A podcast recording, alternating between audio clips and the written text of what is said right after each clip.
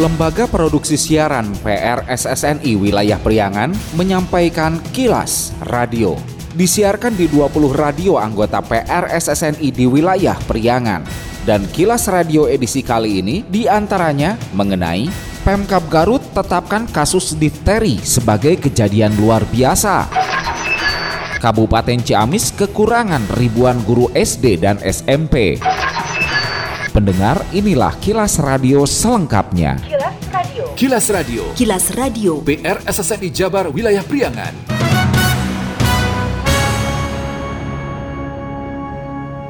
Pemkap Garut akan melakukan vaksin difteri kepada anak-anak menyusul penetapan kasus penyakit difteri di Kabupaten Garut sebagai kejadian luar biasa KLB. Penetapan itu tercantum dalam surat keputusan Bupati Garut tertanggal 20 Februari 2023 tentang penetapan KLB penyakit difteri seiring merebaknya kasus penyakit difteri terutama di Kecamatan Pangatikan. Bupati Garut Rudi Gunawan Selasa 21 Februari mengatakan salah satu penyebab merebaknya difteri karena beberapa korban tidak tidak divaksin lengkap untuk imunisasi difteri. Menurutnya, vaksinasi di Pangatikan mulai pekan depan secara massal terhadap balita hingga usia di bawah 9 hingga 10 tahun bahwa difteri di Kabupaten Garut dinyatakan kejadian luar biasa dan ada yang meninggal dunia itu diakibatkan bahwa mereka itu tidak dapat vaksin sejak awal. Jadi daerah itu punya kepercayaan tidak perlu divaksin. Harusnya kan dari awal tidak lengkap. Jadi mereka itu tidak mau divaksin. Anak-anaknya tidak mau divaksin.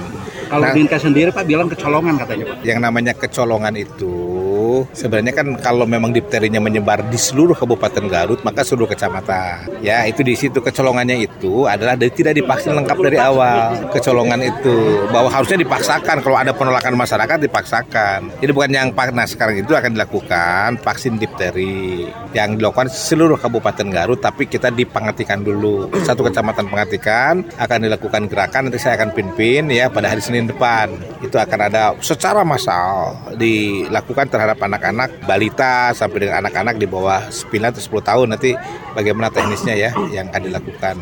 Untuk diketahui, difteri merupakan penyakit menular akibat infeksi bakteri korin bakterium diphtheria yang ditandai dengan gejala batuk akut, demam, lemas, dan pembengkakan kelenjar getah bening selaput lendir. Berdasar laporan yang diterima dari Dinas Kesehatan Kabupaten Garut hingga Minggu 19 Februari, 8 orang melakukan isolasi mandiri, 3 orang dirawat di rumah sakit, dan 7 orang diketahui meninggal dunia.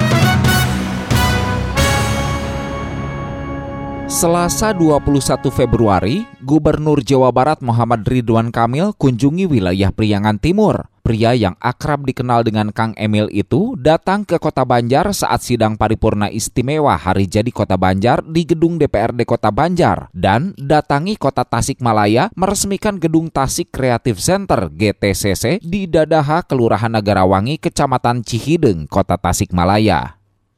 Usai sidang paripurna istimewa hari jadi ke-20 Kota Banjar di gedung DPRD Kota Banjar, Gubernur menyampaikan ucapan selamat hari jadi Kota Banjar. Menurutnya, Kota Banjar sering dijadikan referensi sebagai contoh untuk pemekaran daerah yang sukses. Indeks-indeksnya yang menunjukkan kemajuan luar biasa, angka kemiskinannya juga termasuk terendah di Jawa Barat. Ridwan Kamil berharap Banjar maju terus bersinergi dengan berbagai pihak dan semua masyarakatnya sejahtera. Angka-angka indeks-indeks menunjukkan kemajuan yang luar biasa, termasuk kemiskinan juga salah satu yang terendah di Jawa Barat, yang sehingga kita doakan maju terus bersinergi dengan berbagai pihak tentunya dengan pemerintah provinsi dan semua masyarakatnya bisa sejahtera. Sementara Wali Kota ADUU Sukaisi berharap Banjar ke depan masyarakatnya cerdas dan selalu menjaga kondusivitas karena hal itu merupakan salah satu indikator yang paling penting. Selalu menjaga kondusivitas Kota Banjar karena itu adalah salah satu indikator yang paling penting bagaimana kita menjaga Banjar untuk membangun Banjar lebih baik ke depannya.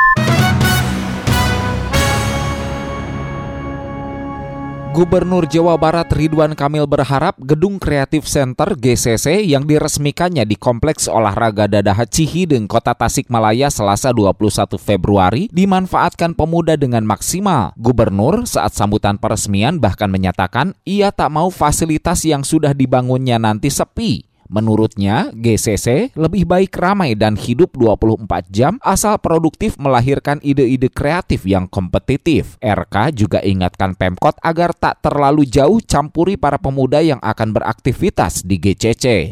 Titip Pak Wali ya, biarkan anak muda yang ngurus, Pak saya udah kasih rumusnya kan ya. Bapak yang bayar listriknya aja, bayar listrik, air, udah itu aja. Pemerintah jangan pipiluen urusan agenda Senin, Salasa, Rebo, asar kumaha jangan pak serahin ke anak-anak aja. Itu cara yang betul.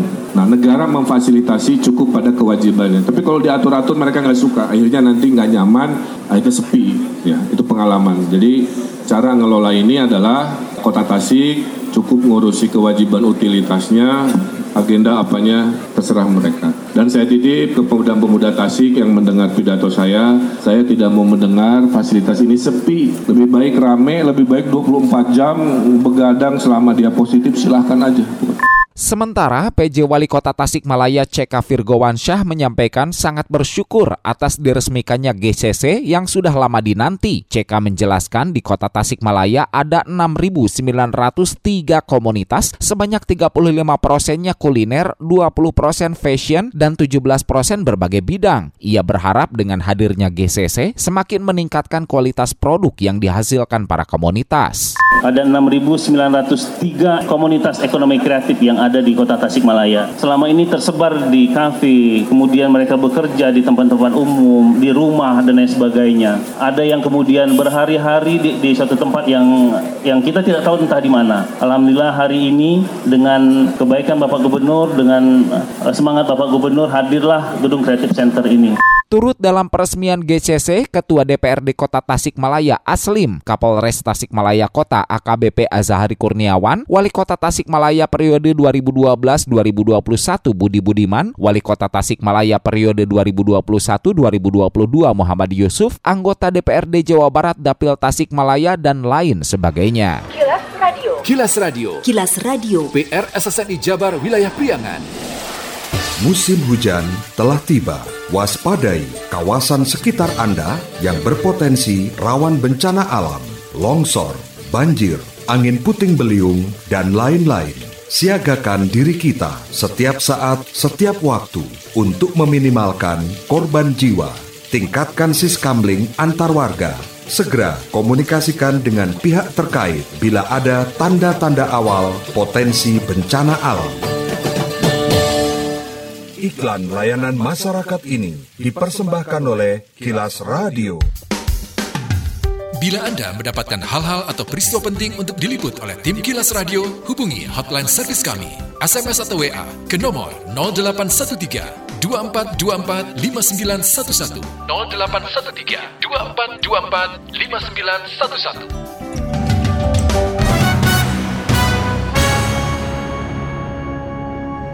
Kebijakan pemerintah pusat lakukan moratorium pengangkatan guru sejak 2010 silam berdampak pada daerah yang mengalami kekurangan tenaga pendidik termasuk di Kabupaten Ciamis. Berdasar data hingga akhir tahun 2022, Pemkab Ciamis kekurangan 6.000 guru. Kepala Dinas Pendidikan Kabupaten Ciamis Asep Saiful Rahmat mengatakan, guna menambah kekurangan itu pihaknya telah dua kali melakukan pengangkatan guru berstatus pegawai pemerintah dengan perjanjian kerja atau P3K sebanyak 1.600 orang, namun jumlah ini masih jauh dari kebutuhan, terlebih pada 2023 banyak guru yang akan memasuki masa pensiun. Asep, usai pembekalan para guru di Aula BKPSDM Kabupaten Ciamis Selasa 21 Februari menyebut, selain kekurangan guru, Ciamis juga kekurangan kepala sekolah. Dari jumlah kebutuhan sebanyak 208 kepala sekolah, kini baru terisi 174 orang, sedangkan 34 sisanya hingga saat ini masih kosong. Kekurangan guru